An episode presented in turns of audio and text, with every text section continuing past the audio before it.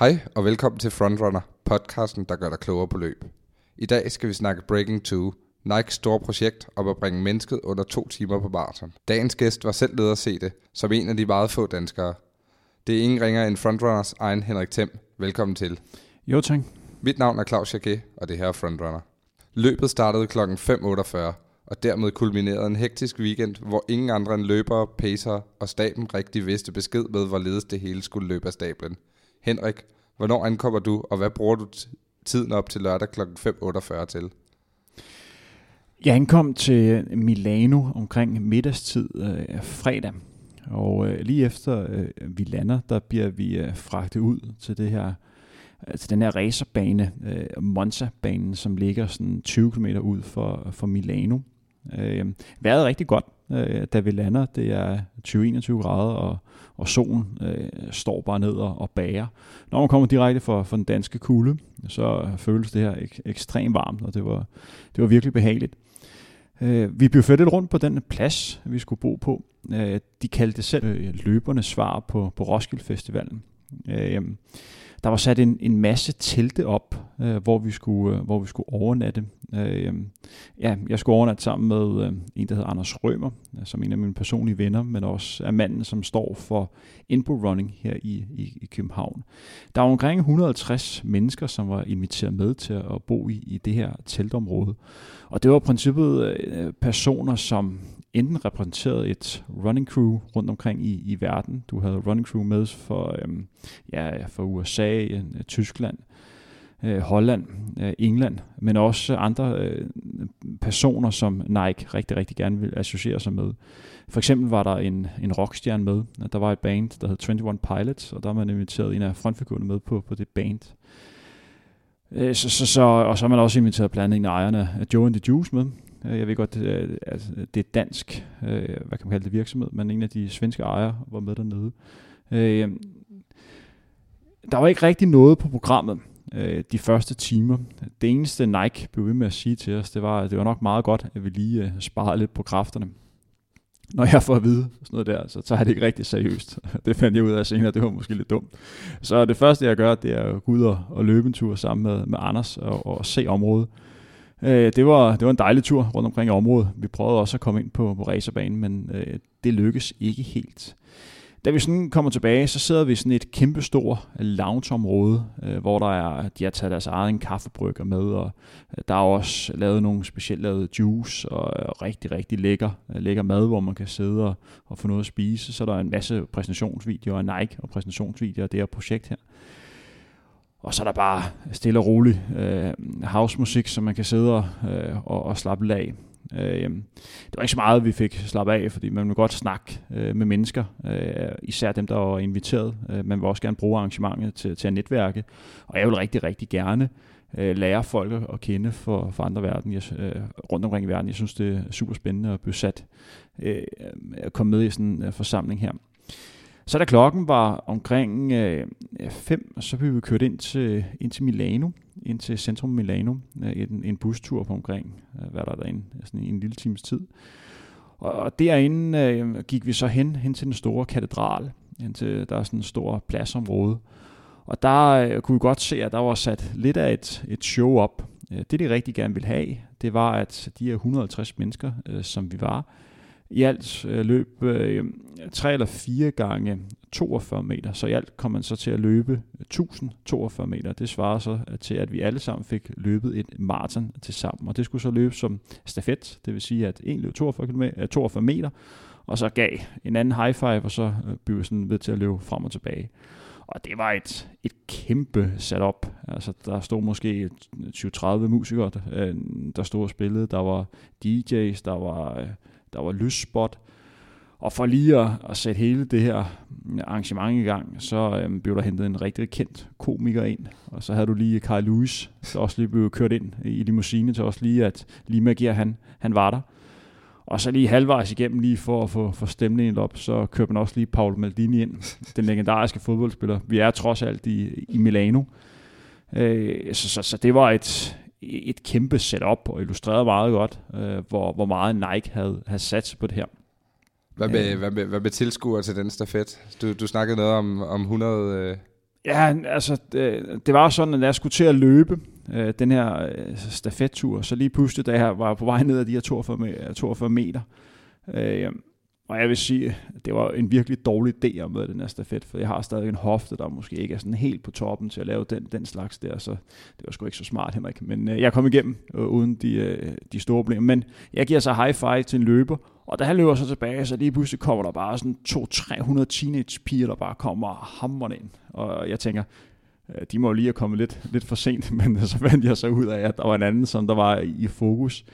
Øh, det var ham rockmusikeren. De simpelthen bare interesseret i ham, forsangeren for, for 21 Pilots, og de havde simpelthen øh, øh, fået at vide, at han var til stede. Øh, men det arrangement her øh, varede det, det, det meste af aften. Øh, så, så, så det var... Øh, det var rigtig hyggeligt, øh, men også, øh, hvad kan man kalde det, øh, det var lang tid at bruge på, på et arrangement for at løbe 3 gange 42 øh, meter, men øh, det var meget fedt. Ja, hvad, hvad, for, hvad for en stemning opstår der hos, øh, hos jer tilskuere og jer, der er ude for at netværke? Altså, nu får I sådan næsten teambuilding arrangement.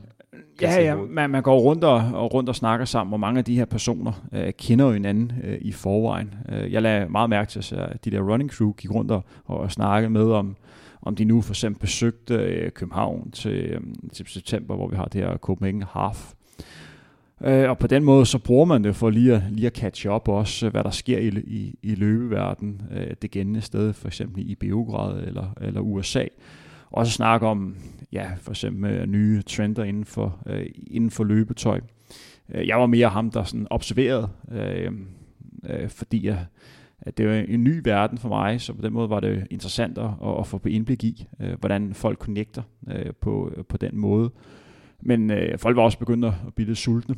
Øh, vi har ikke rigtig fået, øh, fået aftensmad, så, øh, øh, så, så der var også nogen, der gik hen på nogle caféer og lige fik øh, lidt at spise og, og lidt at drikke. Og så da klokken var omkring sådan halv 11, 11, kunne vi så gå ned mod bussen og så blive fragtet tilbage på, på det her teltområde. Og så da vi kom tilbage på, på det her teltområde, så havde jeg sådan en eller anden måske lidt niv ambition om, at vi, nu skulle vi se, men øh, vi skulle høre en, øh, en masse information om, hvordan det her løb skulle, skulle afvikles i, øh, i, i morgen. Og det var også øh, først der, hvor vi sådan rigtig fik at vide, hvornår tidspunktet reelt var, og det var de her 5.45, hvor der var sådan valgt ud, og det blev så 5.48. Øh, men øh, der er en amerikansk træner, som hedder Coach Bennett, der lige var oppe og holde en bag en tale om, hvor meget det her betød øh, for løbesporten, og hvor meget det betød for, øh, for mennesket, øh, hvis øh, de kom under to timer. Og den tale kan jeg komme ind på senere, det var meget inspirerende. Så fik vi en masse andre øh, detaljer at vide, og fik også mulighed for at få lidt at spise. Øh, det var tiltrængt, så jeg tror, da klokken var omkring halv to, to, så kunne vi så gå, gå i seng. Men der spillede stadig musik. Øh, og så, så, øh, så var det sådan, at øh, vi lå et, ja, vi lå i, øh, i teltet, øh, og der var det simpelthen bare ganske simpel sovepose, du havde øh, øh, fået øh, til at sove i. Øh, vi fik lov til at sove halvanden time, og så blev vi så øh, vækket af, af folk, der gik rundt med mikrofoner og lå og skreg inde i, teltet. Øh, jeg vil sige, jeg var ikke verdens største happy camper, da der lige pludselig kom ind der efter halvanden time søvn, og var stor og sagde, nu skal du op! så men, øh, vi skulle, vi skulle i tøjet, og så skulle vi sætte os ind, og så skulle vi lige få de sidste instrukser, så skulle vi så gå de her øh, halvanden kilometer hen til, til Monsterbanen. Øh, og det var simpelthen på grund af, af sikkerhed, at vi skulle være der så lang, time, øh, lang tid før. Øh, og, og der var vi allerede hvad kan man sige, omkring sådan en kvarter over fire, øh, 20 minutter over fire, var vi allerede på, på racerbanen. Og det var om, først omkring klokken, øh, klokken 5, der begyndte at, at, at ske noget. Og man kan godt se, at øh, det var sådan på selve racerbanen, som er de her 2,4 km, at det eneste sted, hvor der er mennesker, det var henne ved målområdet. Og der var de her 150 mennesker, øh, som var inviteret Nike, hvor jeg var i blandt, og så var der nogle pressefolk, der stod over på, på den anden side. Så vi var måske omkring sådan 300 mennesker eller sådan noget på det, på det her tidspunkt her. Og, og det er klokken 5, der blev alle, øh, alle dem, der skulle være pacemaker, øh, præsenteret. Og det var bare sådan det ene store navn, de sådan præsenterede til, at der skulle være hare i det arrangement her. Og der var jeg godt se, at det her det bliver, det bliver sgu vildt. Altså, på det her tidspunkt, der var det sådan 11 grader. Øh, jeg havde måske regnet med, at det føltes lidt varmere, for det, jeg, jeg stod sgu og frøs lidt. Er det, er det først her omkring ved femtiden, at I for første gang får pacer og løber og, og, og teamet bag ved, ved projektet at se, eller, eller er det nogen, I har fået lov til, til at møde? Nej, det er første gang, øh, det er første gang at, at, at vi ser løberne, og vi ser også øh, de tre løber, som det handler om. At de ser Satades og Kipchoge. Er det også første gang, vi får, vi får set dem. De bor ikke i telt, øh, de bor på, på et andet sted. Så, så de, er simpelthen, de er simpelthen fragtet hen. Og man kan godt se øh, på løberne, at det her, det betød noget. Altså, det var også for pacemakeren kunne man godt se, okay, det er et sted, jeg har lyst til at være. Øh, det er en begivenhed, jeg har lyst til at være en del af. Det her betyder noget for mig. Øh, og, og det var, og det smittede. Altså, det kunne man godt se, det her, det, altså, det, bliver, en, det bliver en stor begivenhed. Og er Paula Radcliffe, øh, hende der har kvindernes verdenskort med de her 2.15, begynder at byde velkommen og begynder at fortælle om øh, det arrangement her, øh, så er godt klar over, at det er, der, var noget, der var noget stort øh, i, i, i vente. Øh, og så det var sådan, at, at pacemakerne øh, skulle, øh, skulle danne et V, øh, så de kunne, kunne trække de her tre løber, der skulle løbe. Øh, seks løber øh, af gangen. Øh, man skulle gøre sådan, der hele tiden kom tre nye ind øh, per omgang. Det vil sige, der var nogle løber, der løb to omgang. Øh, og så på den måde var der, sådan, var der løbende, øh, løbende udskiftning. Og det kunne man godt se, at de lå og havde lidt fokus på. Øh, man havde skiftezone øh, nede øh, 200 meter fra, fra målet, så det vil sige omkring øh, der, hvor der har været 42 øh, markering. Øh, så, så det var jo det var spændende store at, at følge med i. Ja, der, øh, der blev snakket meget om, øh, når, man, når man har fulgt med i, i, øh, i projektet på de sociale medier og, og fulgt Nikes øh, udmeldinger om det, så har der været en kæmpe selvsikkerhed hele tiden, altså hvor, hvor man i den gængse løbeverden har sagt, at, at komme under to, det, det er jo en utopisk drømmegrænse. Øh, så har Nike hele tiden følt sig meget sikre på, at, øh, at de i hvert fald, om ikke andet, ville komme meget tæt på, og i hvert fald i deres officielle udmeldinger har sagt, at det her kommer til at ske. Hvordan, øh, hvordan var følelsen dernede blandt jer tilskuere og, og og måske også blandt, blandt de løbere, I kunne se, og, altså, officials. Jeg vil sige, at da jeg første gang fik hørt om det her projekt her i øh, december måned øh, 2016, der gav det ikke, øh, der gav det ikke særlig stor chance. 1-2 procent var min holdning dengang. Det med at forbedre en verdenskort, øh, eller en bedst notering på maraton fra 2.0, 2.57 til at komme under to timer, det er en voldsom forbedring. Du skal gå fra kilometerhastigheder fra 2.54 ned og løbe 2.50 det kræver rigtig, rigtig meget af, af de her løber. Men når vi kom i, længere hen igen for løbet, og især den sidste måned op til, altså der begyndte jeg at tro mere og mere på det her projekt her. Altså jeg kunne fornemme, okay, det her kan godt lade sig gøre. Meget af det her skyldes Nike. Altså Nike har været ekstremt gode til at markedsføre det her projekt her. Og det er jo klart, at når man hører noget hele tiden, okay, vi skal under to timer, vi tror på, vi kun øh, øh, to timer, på et eller andet tidspunkt begynder at tro på det. Og da, jeg, øh, da man havde det her testløb øh, på Monsterbanen, som jeg sad og følte med i, i starten af marts, hvor jeg kunne se Kipchoge, hvor jeg kunne se øh, den måde, som de har valgt at øh, gribe det an på, vi snakkede den her V-funktion, og der var også øh, en, en Tesla-bil, som lå de her 5 meter foran, der lige kunne, øh, der lige kunne sørge for, at der ikke kom alt for meget øh, vind ind, og pacerne havde også øh, kunne bruge sådan grøn laserlys til hele tiden at holde, holde styr på, at hastigheden var korrekt. Og der også begyndte at snakke om den her nye øh, vidunder øh, sko. Så begyndte jeg at tænke, det her kan godt lade sig gøre. Øh, altså, og, og, og især fordi, at når Nike melder så massivt ud, øh, så må det have noget at have det i. Ellers så øh, siger min fornemmelse mig, at, øh, at de vil trække stikket. Øh, så der, jeg var i Godmorgen Danmark øh, i, i torsdagsdagen, før jeg rejste, og, og der gav jeg det omkring 50% chance. Da jeg kom ned og snakkede med Nike-folkene og, og kunne se, hvad for et setup øh, de havde øh, stablet på benene, der er jo måske op omkring 70-80%. Så jeg var f- øh, faktisk forholdsvis overbevist om, at det her kunne godt lade sig, lade sig gøre, især da jeg sådan kiggede rundt og kunne fornemme forholdene. Altså, racerbanen var fuldstændig flad, perfekt øh, asfalt. Vi snakker 11 grader, perfekt løbevejr, og der var ikke skyggen af vind. Perfekt. Og når jeg snakkede med folk, øh, altså jeg tror, jeg så det lidt anderledes end mange andre, fordi at, øh, at jeg har brugt så meget tid øh, inden for løbeverdenen, og brugt meget tid på, på at nørde det. Så det er jo klart, at hvis man snakker med den typiske medlem af en running crew, øh, så er han selvfølgelig, selvfølgelig, det kan sagt lade sig gøre, at vi kommer under to timer, eller så vil Nike ikke gøre det, og tre minutter på maraton, det er jo ingenting. Øh, men Altså, øh, men der var alligevel over, øh, en stemning om, øh, blandt alle, også dem, der måske havde lidt større indsigt i, at det her kunne godt lade sig gøre. Og jeg havde også en, øh, en lille snak med den tyske maratonløber, som er Arne Karbius, som er 208, og man kunne også godt fornemme på ham, at, at det jeg troede han på. Og, øh, og, og der har jo været de her udmeldinger, og det vender vi en lille smule tilbage til øh, lidt senere, fordi det, det der øh, løberne blandt andet er blevet headhunted på, det er, at vi har en, øh, en ung fyr, Øh, øh, hvad hedder du, Lelisa Desir, øh, fra Etiopien, og så har vi altså en meget interessant fyr, Cesare Tadese. Han er verdensrekordholder og verdensmester på halvmarathon. Og øh, det de siger er, at når de har testet ham, så er det ham, der skulle kunne holde sit tempo længst tid af alle. Øh, og vi vender en lille smule tilbage til det øh, lidt senere, men, øh, men først, du har, du har fortalt, hvor du står henne, du har fortalt, hvordan starten går, og du har fortalt om, øh, om pacemakerne, der går ud. Vi springer en lille smule ind i løbet. Vi springer syv omgange ind i løbet.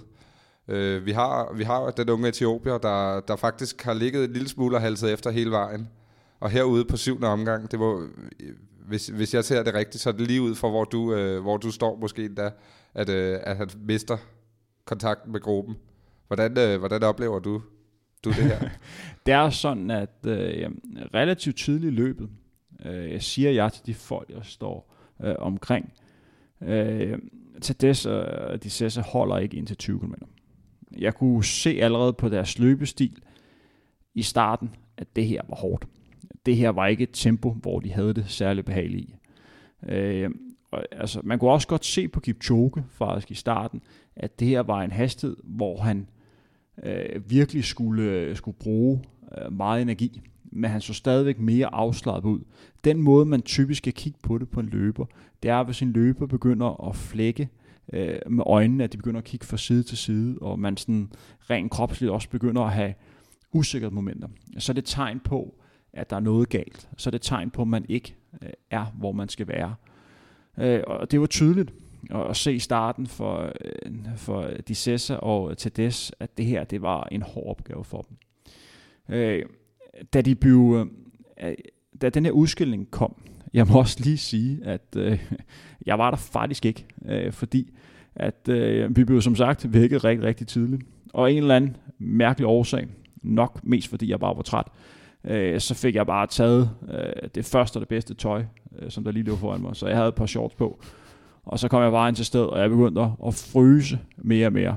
Altså, og det var bare sådan, jeg blev sådan lidt irriteret på mig selv, men øh, jeg, min ben stod bare sådan og, og klaprede. Øh, så jeg tænkte, jeg bliver simpelthen nødt til lige at løbe tilbage. Så jeg styrte tilbage på campingpladsen. Det her telt, der lige fik min øh, øh, tykke bukser på, og så løb tilbage igen.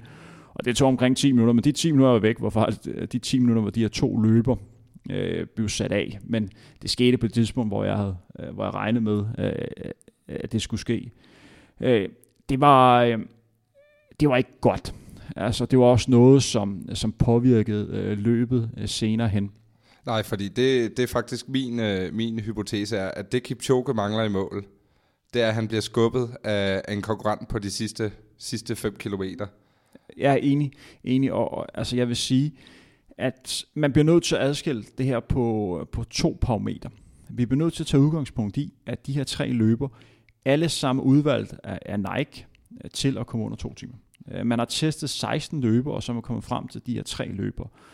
Og de bliver altså målt på, hvor tæt de er på at komme under to timer. Det er det, det handler om. Og der skal man altså være i stand til at kunne holde det længere end halvvejs. Så er man så, i min verden dumpet. Altså. Så, så øh, det, det som, øh, som jeg tolker, du sidder og siger, er, at det faktisk er en fejlcast af Nike, eller, at, eller er det, at løberne simpelthen ikke, ikke har kunne leve op til det, de skal kunne leve op til? Nej, men altså, altså hvis du kigger isoleret på deres øh, præstation, øh, så synes jeg ikke, at det var godt nok. Men det skal så også lige siges, at igen, jeg holder hele tiden fokus på, at de her tre løber bliver mål på at komme under to timer. Og hvis du ikke kan holde tempoet i 20 km, så er det ikke godt nok. Men forsvar øh, for, for de her to løber skal lige siges, der er jo ikke nogen, der er en vildeste fantasi regne med, at de havde kapacitet til at komme under to timer på maraton. Samt at vi har jo heller ikke på noget som helst tidspunkt hørt om de her løbers forberedelse. Øh, vi har hørt en, en masse om, hvad Nike gerne vil, men vi har ikke hørt nogen udtalelser om, hvordan deres træning er gået, føler de sig til rette, øh, tror de selv på det. Så der er jo masser af parametre, øh, så, så, så, der gør, at det er lidt svært at bedømme de her løber. Øh, det andet område, hvor man kan kigge på det, det er jo, hvis man glemmer øh, de her udmelding fra Nike om, at det handler om at komme under to timer på maraton, og så kigger isoleret på, hvad man ser. Og det vil komme ind på senere, øh, fordi der synes jeg faktisk, der er en af de her to løber, der faktisk kommer i mål øh, ganske hederligt. Det, der sker for, for afvikling af, af, af løbet, det er, at man fortsætter med at have pacemaker til Kipchoge, og øh, til Des, som også ligger samlet, men, og så er der så også nogle pacemaker, der går ned til øh, de Cessa, som er den første, der falder af. Men da til Des så også falder af, så dropper man pacemakerne på de Cessa, der bliver overladt til, øh, til sig selv, og så de pacemaker, der lå til de Cessa, de går så op til Des. Det vil sige, at omkring 21 km, der ligger de Cessa helt alene. Og lige så fedt Kipchoge har haft det, lige så nederen han har været for de Cessa. Fordi han kommer ud i værst mulig øh, tempo. Kom ud i sådan en øh, halvmarathon på omkring 60. Altså, det bider, hvis du ikke er der. Og også rent mentalt at vide, okay, jeg var bare ikke god nok i dag. Og der, var, altså, der er jo kun 200 mennesker, der står og hæpper, og de er alle sammen placeret omkring målområdet. Det vil sige, at han har 2.300 meter, hvor der ikke er nogen overhovedet. Der er godt nok nogle tanker, der går igennem hovedet på den her stakkels Etiopier, som ham havde jeg altså personligt lidt ondt af. Ja, fordi han er jo heller ikke den mest rutinerede løber i hele feltet. Han er den yngste, de overhovedet har med i projektet her. Ja, han er jo han brød frem i 2013, hvor han øh, vandt Dubai Marathon og vandt Boston Marathon og blev nummer to til, til VM i, i Moskva. Og så vandt han også Boston Marathon igen øh, to år senere. Og han er sådan i, i løbeverden betegnet som et lidt uforløst øh, talent. Så jeg kan godt forstå, hvorfor man egentlig har, har taget ham med. Og det gør også god mening, at du både har en etiopisk løber, og en løber for Eritrea, og en løber for, øh, for Kenya. Der er sådan en rivalisering blandt de her tre øh, lande her. Så øh, på den led giver det, giver det meget god, øh, god mening. Øh, men han skal selvfølgelig kunne holde den her hastighed øh, længere tid, når han er med i, i det her projekt her. Og jeg er også enig i din øh, betragtning om, at, øh, at det fik betydning for Kipchoge senere. Det, der er interessant i, i forhold til Tades, øh, det er jo, at han kommer jo øh, fra baggrund på halvmarathon, og han har jo den her verdenskort på, på halvmarathon på 58-23. Det skal man ikke kimse af. Det er altså en fantastisk verdenskort. 21 km med 2,45 øh, hastet hele vejen igennem. Han har på en eller anden måde mislykket totalt på maraton. Han har prøvet sådan, jeg tror det er fire eller fem gange før det her løb her, og hans bedste notering er 2 timer og 10 minutter. Jeg vil sidde med hænden over hovedet, hvis jeg løber maraton på, på 2 timer og 10 minutter. Men for en, der løb 58-23 på en halv maraton, så er det skuffende. Så er det er uforløst.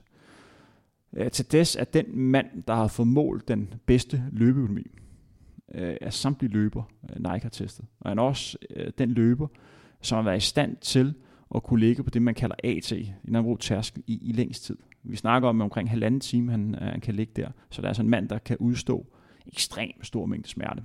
Øh, er han så problemer derefter? Øh, det er sådan en anden sag. Det er også der, hvor Dissessa var god. Han var også god til at kunne ligge på de her fire millimol igennem længere tid. Og der har vi nok svaret på, hvorfor de, øh, de kommer med. På det her tidspunkt her øh, i, i lejren, der er man selvfølgelig bekymret, fordi de her to løbere er faldet fra.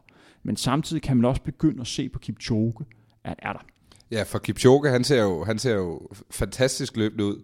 Altså indtil 35 km, der ligger han jo og løber, altså enhver, enhver som har set de hurtigste halvmarathon og maratonløber i verden, de ved jo, at den stil, der præger kenyanske og etiopiske løbere, den er jo i særklasse.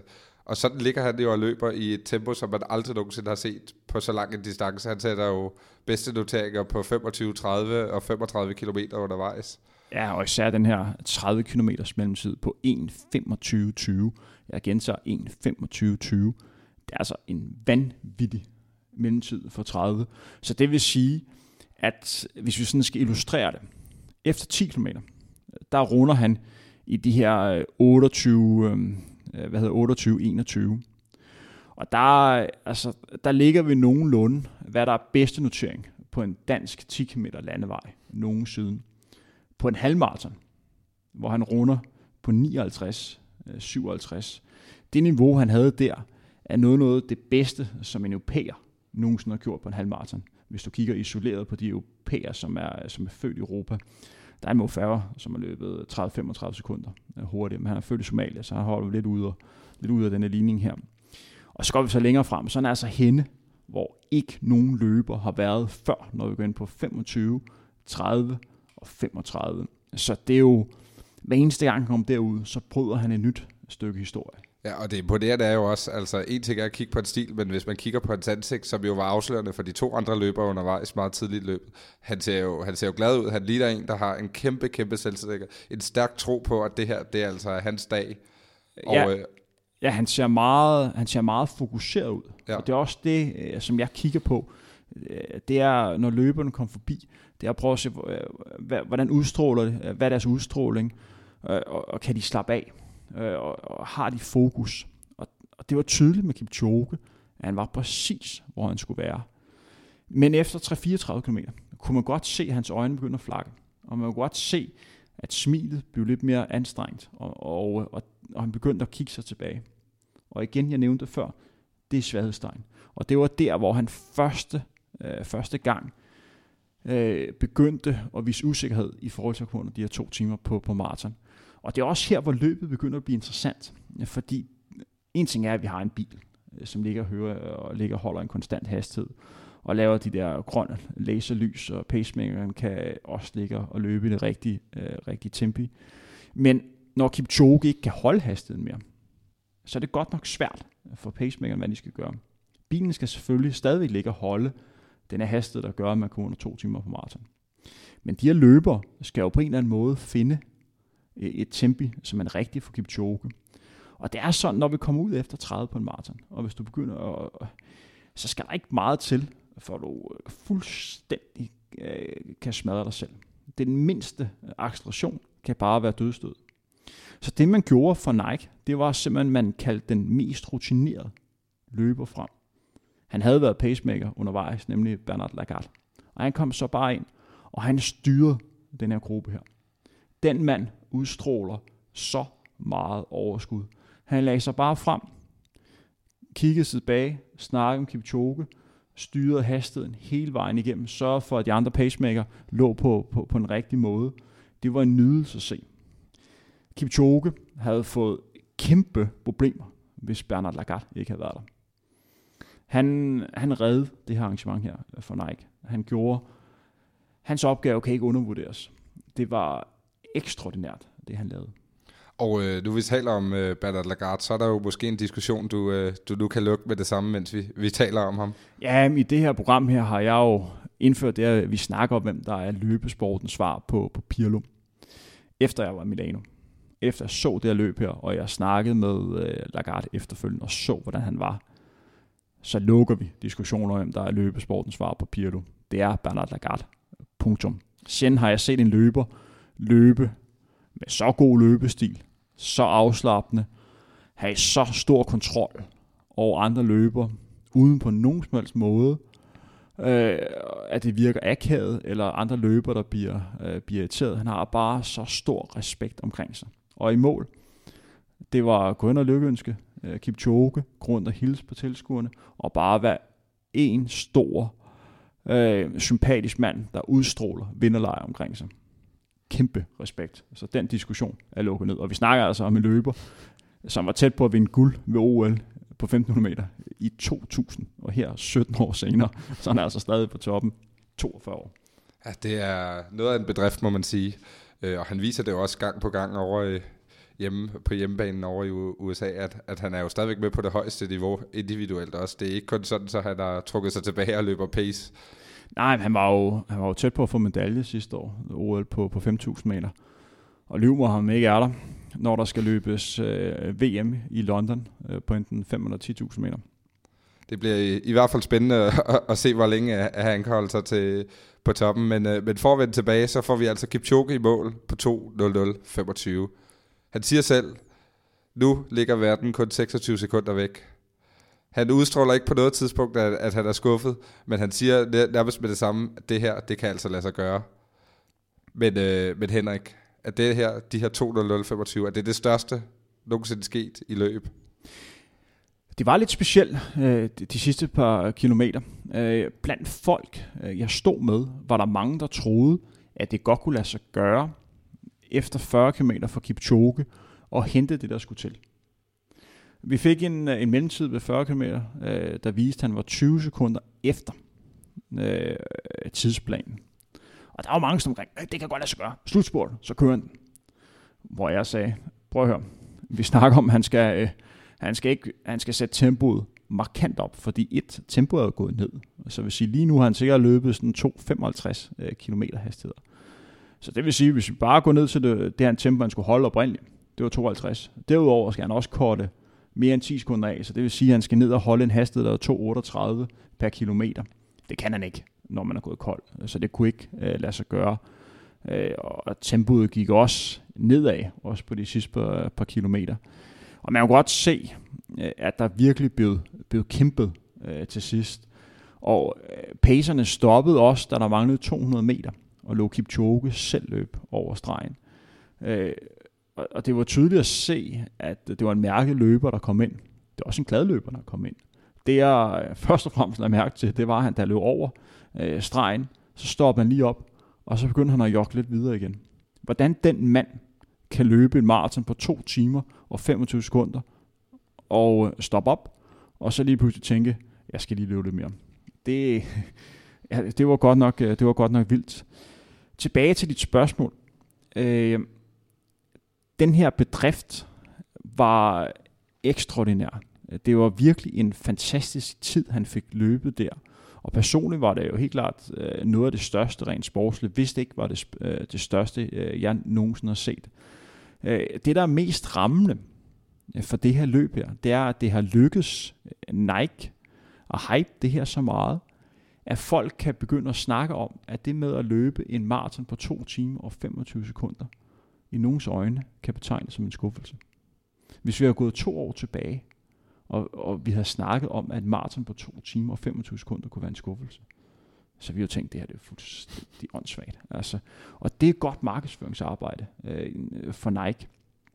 Øh, jeg tror, at vi er rigtig tæt på at komme under to timer. Jeg tror, at øh, vi i princippet kan gøre det i efteråret, hvis vi laver øh, lignende, øh, lignende forsøg. Øh, hvad, det re- altså, hvad det reelt betyder, øh, er svært at, at svare på, ud over at man viser mennesket, øh, at det er muligt at komme under den her magiske grænse. Fordi der er også mange parametre, hvor vi fjerner os fra det, som nu, vi normalt kender forløb. Og det er jo ingen tvivl om, at det har haft en positiv effekt, at der har ligget den her bil foran. Det er jo ingen tvivl om, at det har haft en positiv effekt, at der har ligget øh, de her seks løber, der har ligget og holdt hastigheden. Øh, der er ingen tvivl om, at øh, de her sko med de her berømte 4% drop har også haft en eller anden form for øh, betydning. Man snakker blandt andet om i skoen, at det er givet 4%. Og hvis man regner det jo tilbage igen, så svarer det hans maratontid her til, at han har løbet 205. Den her tid er i særklasse bedre end 205. Altså jeg tror ikke på, øh, øh på, på, på den beregning. Øh, så jeg vil hellere lade være med at sammenligne det med noget, og så tage udgangspunkt i, hvad det var. Og det var et fantastisk og modigt forsøg på at bryde en magisk grænse øh, inden for, for langdistanceløb. Der hvor vi så er nu i det, og det er jo, det er jo spændende, øh, fordi der er jo ingen tvivl om, at øh, så længe at vi kan komme under to timer, øh, så er det jo ikke det, man håber på. Øh, så det bliver spændende at følge nu, hvad Nike rigtig øh, hvad gerne, øh, gerne vil med det her projekt her. Som jeg nævnte før, jeg tror godt, Kipchoge kom under, og jeg tror godt, Kipchoge kom under øh, allerede til efteråret. Jeg tror årsagen til, at han ikke kom under i løbet i lørdags, ikke, skal meget, øh, ikke så meget skal lægges det, det fysiske, eller forholdene for de var perfekte, men to parametre, øh, som er værd at nævne. For det første, at de her to løber, de Cesar og Tades, at de ikke kan følge med længere tid.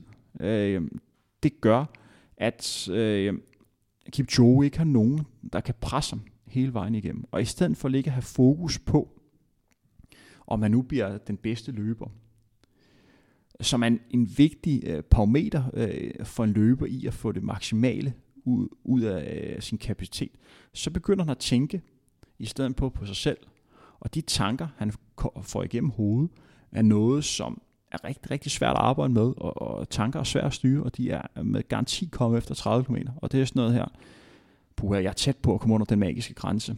Øh, det er meget afhænger af. Der er mange hundrede millioner, der sidder og følger med i det arrangement her. Hvad hvis det ikke lykkes? Hvad det betyder for min familie, hvis jeg kunder her? Jeg bliver historisk. Det er nogle store tanker, øh, og det skal man ikke undervurdere, at det er noget, der går ind og påvirke en negativt. Jeg tror ikke Kipchoge, før det her løb her, har været 100% overbevist om, at han kunne komme under to timer. Det tror jeg, han, han ved nu. Så jeg tror, at de sidste 26, 26 øh, sekunder skal hentes rent mentalt. Jeg vil også gerne lige kommentere de to andre løber.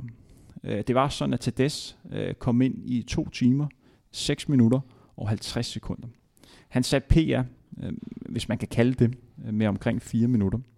Jeg synes faktisk, at han løb et ganske fornuftigt løb.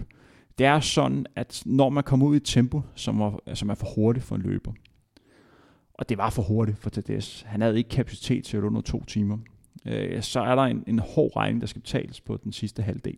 Men han når alligevel at kæmpe sig igennem i en hederlig tid. Den tid var nok blevet endnu hurtigere, hvis han udlæg havde været 61 eller 62 halvvejs. Så det godt være, at han havde løbet 203-204. Øh, så, så, så det er en løber, øh, som på mange måder leverede en tilfredsstillende resultat. Øh, men jeg bliver nødt til at nævne det, man bliver nødt til også at sammenligne ham øh, med, at han altså, har været op til, at han skulle under to timer. Så det var han ikke i nærheden af. Men hvis du kigger isoleret på det, han leverede, øh, som på hver en maraton, så synes jeg faktisk, at han gjorde en ganske god figur. De Sessa derimod, han havde et modbydende løb. Han blev overladt til sig selv efter 17 km, og så fik han altså bare lov til at koge sådan 15-16 km øh, alene, indtil at de her pacemaker fik ondt af ham, og så gik de så ned og hjalp ham med at komme i mål. Jeg oplevede en løber, hvis hastighed bare gik gradvis længere og længere ned.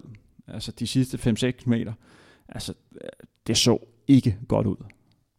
Jeg undrer mig over, at øh, han formåede at komme, øh, komme i mål. Han kom i mål på 2 timer, 14 minutter og øh, 10 sekunder. Da jeg stod og kiggede på det, jeg kunne ikke lade være med at tænke, at jeg selv har løbet maraton på 2 timer og 15 minutter. Og han lignede altså bare en mand, der var helt værdig, hvor jeg tænkte, det er sgu utroligt, at jeg kan blive slået af sådan en mand her, der bare, den er, er, er, er, er helt kørt bag øh, dansen. Øh, han løb sin chance, og, og han brændte ud. Han, han havde en hård tur at komme igennem, og det skal man få respekt for. Eller det fortjener en respekt for, men altså isoleret set er det jo en skuffelse. Han er jo 15 minutter for det, som man ønskede, han skulle løbe. Men det var selvfølgelig flot, han kom igennem. Men kæft en hård tur, han havde. Jeg vil gerne holde, øh, holde lidt fast i Kipchoge, fordi han er, jo, han er jo i sig selv allerede inden det her løb en, øh, en af de allerstørste i løbesporten. Altså på højde, på højde med mange, mange af, de, af de store, altså Bekele og, og, og Gebrelese, og, og efter det her måske endda øh, næsten over dem. Øh, han har jo løbet 3.33 på 1500 meter. En distance, som der er så meget forskellig fra et maraton. Han har været verdensmester på 5.000 meter, øh, hvor han slog de to for, førnævnte. Øh, han har vundet, vundet øh, sølv og OL-guld, og ja, har så mange meritter, at jeg ikke kan sidde og læse dem op, så har vi, det har vi simpelthen ikke tid til. Øh, men den her tid, der tager han jo endnu et skridt ind. Men han mangler jo stadigvæk den officielle verdensrekord. Er det noget, du, du kan se ham, ham komme med et, øh, et skud efter? Det, der er interessant nu at følge, det er, hvad ved Kipchoge? Altså, hvad, øh, hvad vil han gerne med hans, øh, hans karriere? Han har haft en fantastisk øh, karriere indtil videre. Han prøvede, han prøvede igennem i øh, 2003 øh, som 19-årig, hvor han blev verdensmester på 5.000 meter. I et spurtopgør, der besejrede han Bekele, mand med verdensrekorden på 5 og 10.000 meter, og manden med verdenskort på 1.500 meter mile, El Kiruch. Jeg så løbet i går, og lagde også mærke til, at de løb øh, 2.51. Så, så, så det var en fantastisk bedrift, han havde der. Efterfølgende havde han en masse år, øh, hvor han ikke fik den her store sejr. Han blev ved med at tabe til, øh, til Bekele, og han oplevede også i OL i 2012 ikke at være god nok til, til at komme med. Og det var en stor skuffelse for ham. Han debuterede på maraton i Hamburg i 2013. Øh, I løb, jeg, jeg selv var nede, øh, og, og deltage. Jeg skulle være hare, eller pacemaker, for min træningskammerat, øh, Lars Budolfsen. Øh, og ved den lejlighed, der snakkede med nogle af de kenyanske manager øh, og trænere, og de øh, sagde, Henrik, hold høje med den her mand her. Han går en stor fremtid møde på, på maraton. Han vandt hans øh, debutløb. Øh, senere det år her, der løb han Berlin Marathon, øh, hvor han løb en tid på lige over to timer og fire minutter, og faktisk tabte til Wilson øh, Kipsang, som er den lejlighed sat, øh, sat ny øh, verdenskort øh, på 2-3. Nogle 20, tror han, han løb ved, ved den lejlighed. Efter der har han ikke tabt et eneste maratonløb. Hvis vi lige skal rise hans karriere op efter der, det var i 2014, vandt han Rotterdam, og så øh, om foråret, og så vandt han så Chicago om efteråret, og så i, i 15 vandt han London og Berlin, og i 16 var det øh, London, og så vandt han så OL-guld i, i Rio. Og nu har han altså løbet den her øh, maratontid på 2 timer og 25 sekunder. Hans bedste øh, notering, øh, det er jo den her 2 timer, 3 minutter og 5 sekunder, som han løb ved London Marathon i, i 2016. 8 officielle maratonløb. Syv af dem har vundet. Det, der er imponerende med Kipchoge, det er, at den mand laver ikke nogen fejl. Rent taktisk er han en mester. Øh, man skal altid kigge på, hvordan, et, hvordan, øh, hvordan løberne har det undervejs i løbet, og hvad for nogle valg de laver. Jeg har ikke set Kipchoge på eneste tidspunkt på maraton lave en eller anden taktisk fejl. Han ligger sig altid øh, det rigtige sted for drukket øh, fornuftigt, og er i stand til at kunne rykke fra de andre løber på det rigtige tidspunkt. Hans OL-løb i Rio illustrerede bare, det er den løber her, som har et niveau, som er højere end alle andre. Maratonløb handler om hele tiden at være på sin max, hele tiden være i balance, og hele tiden være i stand til at træffe de rigtige valg. Og det mester Kipchoge øh, til UG. Det han skal nu, det han skal overveje, hvad er næste skridt for mig? Det er meget unikt, at vi har en maratonløber, som har været på absolut topplan igennem 3-4 år. Så man må forvente, at på et eller andet tidspunkt begynder at gå lidt ned ad bakke. Han har tre muligheder. Han har mulighed for at gå ind og løbe, øh, løbe VM i London. Øh, jeg, jeg tror, det vil være rigtig stor for ham at blive verdensmester på maraton. Jeg tror, det er noget, som der vil betyde øh, ekstremt meget, både for ham personligt, men også for Nike øh, og for Kenya. Øh, det er efterhånden et par år siden, at Kenya har fået det her verdensmesterskab øh, på maraton. Så det tror jeg gerne, de vil have, specielt i London. Øh, det bliver en kæmpe begivenhed. Den anden mulighed er, det er, at han kan jagte verdensrekorden. Og det er jo oplagt at gøre det i Berlin. Og den hedder jo 202.57. Øh, der er ingen tvivl om, at det har en rigtig, rigtig god mulighed for at gøre. Jeg tror, hvis han har løbet i Berlin øh, i søndags, eller i lørdags, hvor løbet var, så har han nok løbet 202.30. Det er nogenlunde det, som, som, som jeg tror, den tid, han, han svarer til på, øh, på ruten i, i Berlin. Den tredje mulighed, det er, at han deltager endnu en gang i det her projekt med Nike, og så prøver at komme under to timer. Og jeg tror, hvis, hvis Nike skal lykkes med det er inden for, øh, for næste kort periode, så skal det være Kipchoge i efterår. For jeg kan ikke lige se en anden løber, der står på spring under et lignende setup, hvis det ikke skulle være Kipchoge. Og jeg tror simpelthen, hvis man går frem til foråret, at, at der er for lang tid.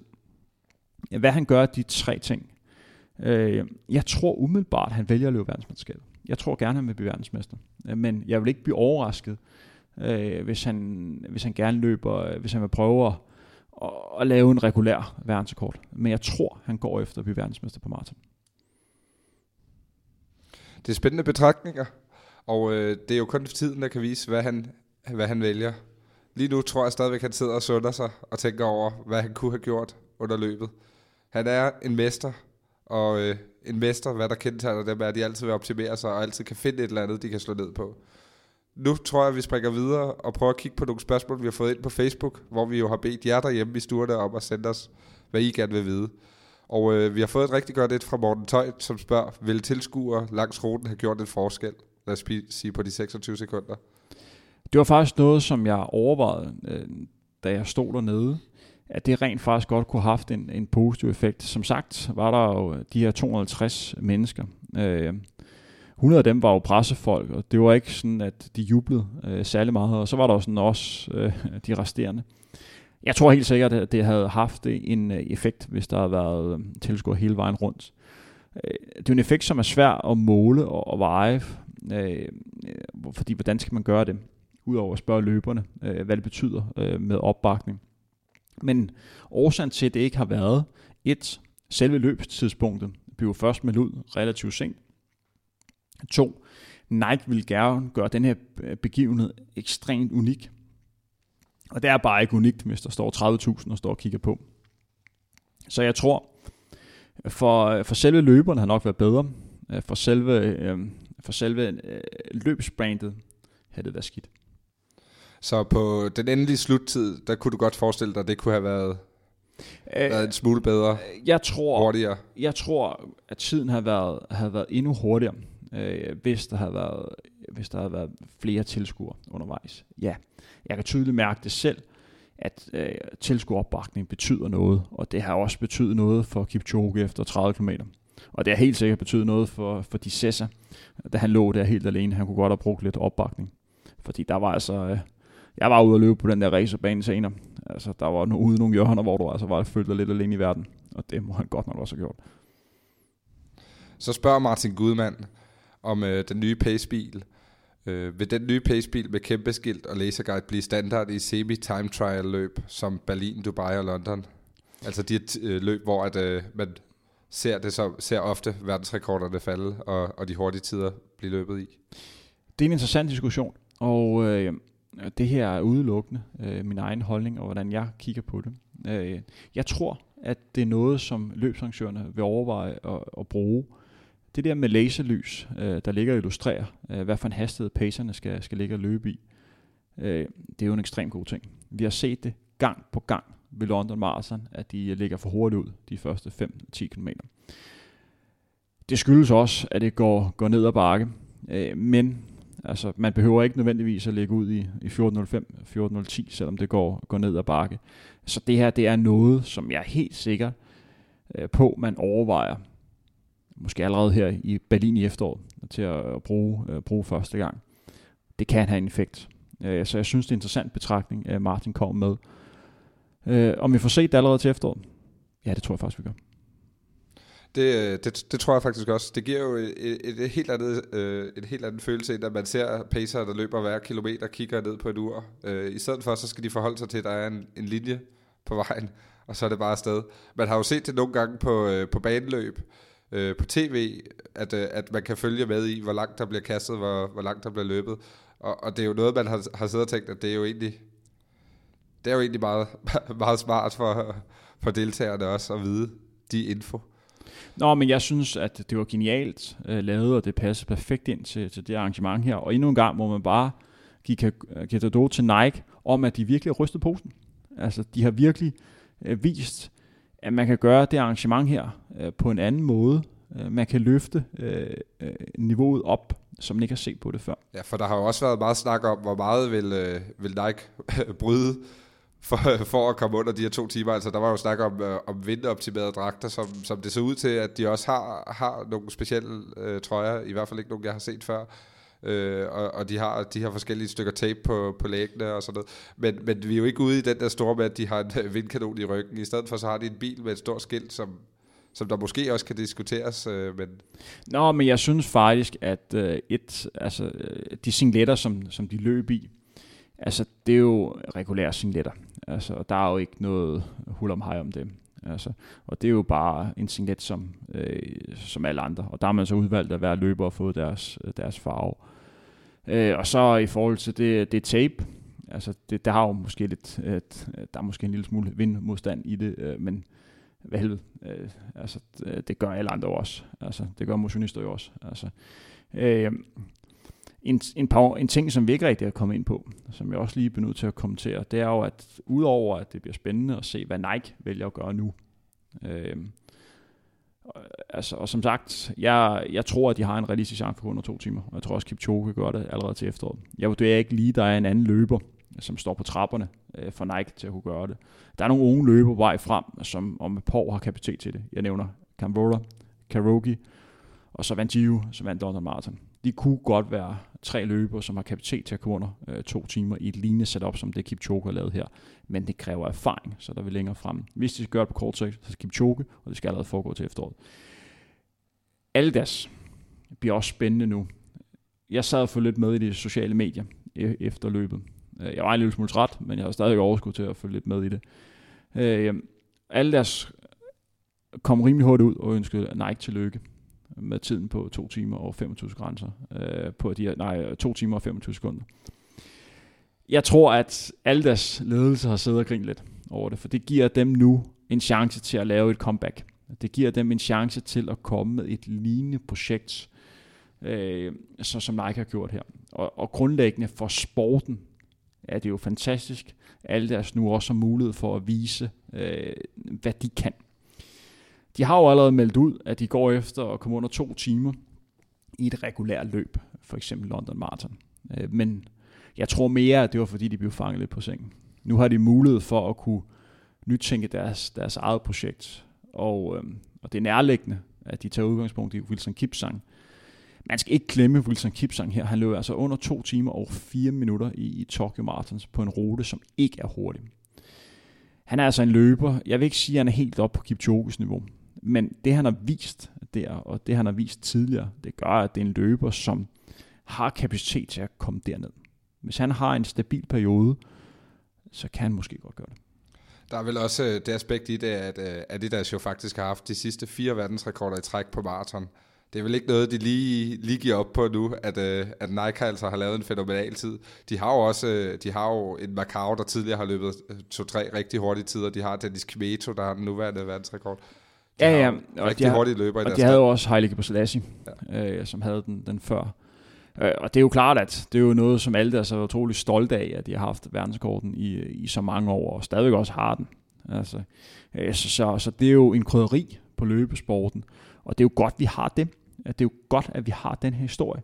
Øh, så, så, så, så det er jo Øh, rigtig, rigtig spændende at følge med i udviklingen, øh, fordi nu sidder alle der med en unik mulighed for også at kunne præge det. Og så kan Nike igen komme med endnu et kontostød. Så, så, så det er jo det er jo kun fedt for os, der elsker løb. Vi tager lige et, øh, et sidste spørgsmål, fordi der er, der er en, der hedder Christina Brun, som der skriver, hvad, hvad havde de løbet, hvis projektet hed Sub 1.55? Jeg synes ikke selv, at tiden 1.55 er, er så vigtig, men hvad havde det gjort at skrue på forventningsniveauet fra start af? Altså have sagt, vi skal altså bare løbe, løbe så langt under som muligt, eller vi skulle have løbet 2.01, jeg sad og læste spørgsmål igennem, før vi skulle på i dag, og jeg stussede godt over det spørgsmål, og jeg synes faktisk, at det er, at det er rigtig godt stillet, fordi jeg nævnte selv tidligere, det mentale betyder rigtig, rigtig meget. Det Nike fortjener alt muligt kado for, og de, øh, de, de kan simpelthen ikke få nok respekt øh, for det, det er, at de er med til at løfte øh, folks, øh, hvad kan man sige, øh, indsigt i, øh, og hvad kan man sige, forventninger til, hvad mennesket kan. Det er simpelthen berykket. Nu begynder vi jo at snakke om, menneske kan godt løbe under to timer på maraton. Og det er simpelthen fordi, at det er med til at brande historien og virkelig sige, at det her kan godt lade sig gøre. Hvis det havde 1,55, så kan det godt være, at Kipchoge øh, ikke har haft de samme øh, hvad kan man sige, sådan mentale barriere øh, de sidste 10 km, fordi han var så tæt på den her magiske grænse. Øh, men 1,55, altså der ligger vi altså undervejs og ligger og slår så verdensrekorder på halvmarathon, og vi er også tæt på på, på 10 km, så altså, det, er en, det er en voldsom tid, men jeg kan godt forstå spørgsmålet øh, ved det. Øh, men ja, det, er mås- det kan godt være, det har givet et par, par, par sekunder, men mere tror jeg ikke, det har, har givet, men det er en interessant tanke. Og med det, Henrik, så skal jeg så spørge dig, er der noget, du synes, vi mangler at diskutere med det her løb? Fordi vi har snakket om, hvad kunne være løbet hurtigere undervejs. Vi har snakket om, hvad der egentlig sker mentalt for løberne. Vi har snakket om oplev, selve oplevelsen for jer VIP-tilskuere dernede. Nå, men øh, først og fremmest øh, vil jeg gerne runde af og sige, at det var en kæmpe personlig oplevelse for mig at være dernede, og det er noget, jeg vil huske tilbage på øh, med glæde og, og, og være en del af. Øh, altså, jeg kan ikke andet end at sige, at jeg har den dybeste respekt for Kipchoge og den måde, han angreb øh, løbet på. Men man skal da ikke glemme øh, Bernard Lagards øh, betydning i, i det her arrangement her. Igen, rose Nike for, at øh, de tør og skille sig lidt ud og stable et arrangement på, på benene, som man ikke har, har set før.